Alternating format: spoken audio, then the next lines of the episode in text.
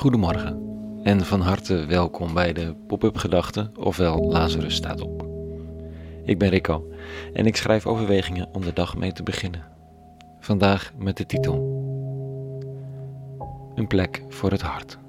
Pop-up Gedachten 11 januari 2022, dinsdag. Is er plek voor je hart? Thuiswerken helpt daar niet zo heel erg in, want waar kun je nog heen? Je stopt onderweg naar je werk niet even bij die parkeerplaats met dat meertje om er een stuk omheen te lopen. Je loopt niet zomaar even dat kerkje binnen. Je weet niet eens meer of ze open zijn. En vrienden, je kunt ze zien hoor. Maar het gaat in deze tijd allemaal even niet vanzelf.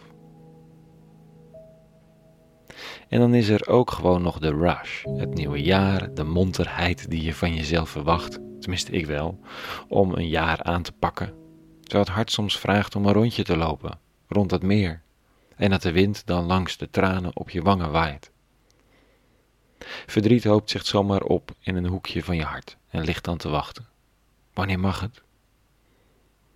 En als het dan komt, vraagt je hoofd zich af of het ooit nog ophoudt. Vandaag stort een Hanna in de tempel in de tijd ver voor Jezus haar hart uit. Dit staat er. Terwijl Hanna zo lang bad, keek Eli opmerkzaam naar haar mond. Ze bad namelijk in stilte. Haar lippen bewogen wel, maar haar stem was niet te horen. Daarom dacht Eli dat ze dronken was. Hij sprak haar aan en vroeg: Gaat dit nog lang zo duren? Als u dronken bent, ga dan uw roes uitslapen. U vergist u, heer, antwoordde Hanna.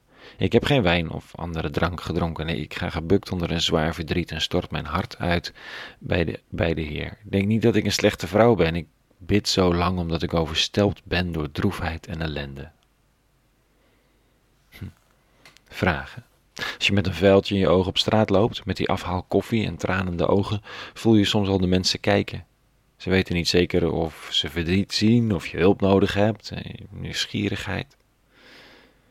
En dat is dan nog maar één tranend oog. Deze Hanna blijft er zo'n beetje in. De gewoonte is blijkbaar om hardop te bidden in de tempel, toen en daar. Maar ze krijgt het niet over haar lippen. De pijn in haar borst, de steen in haar maag, de brok in haar keel. Het is allemaal te groot.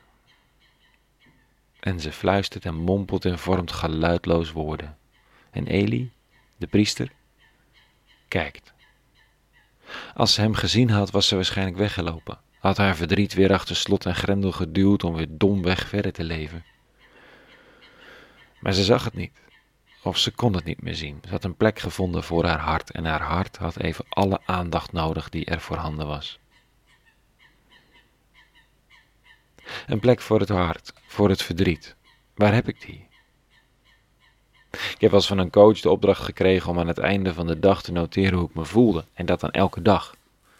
Nou, ik kan je vertellen dat dat niet makkelijk was. Weet ik veel hoe ik me voel?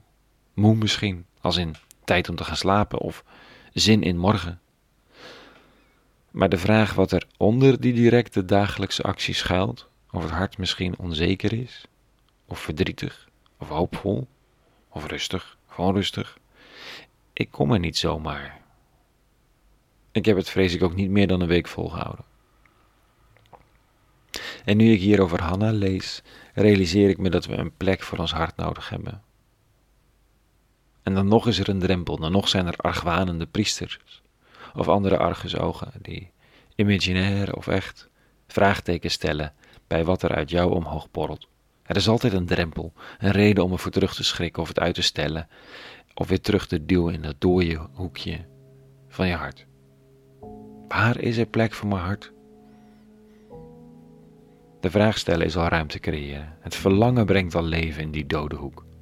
En leven is wat we zoeken. Leven in dode hoeken. Om mens te zijn.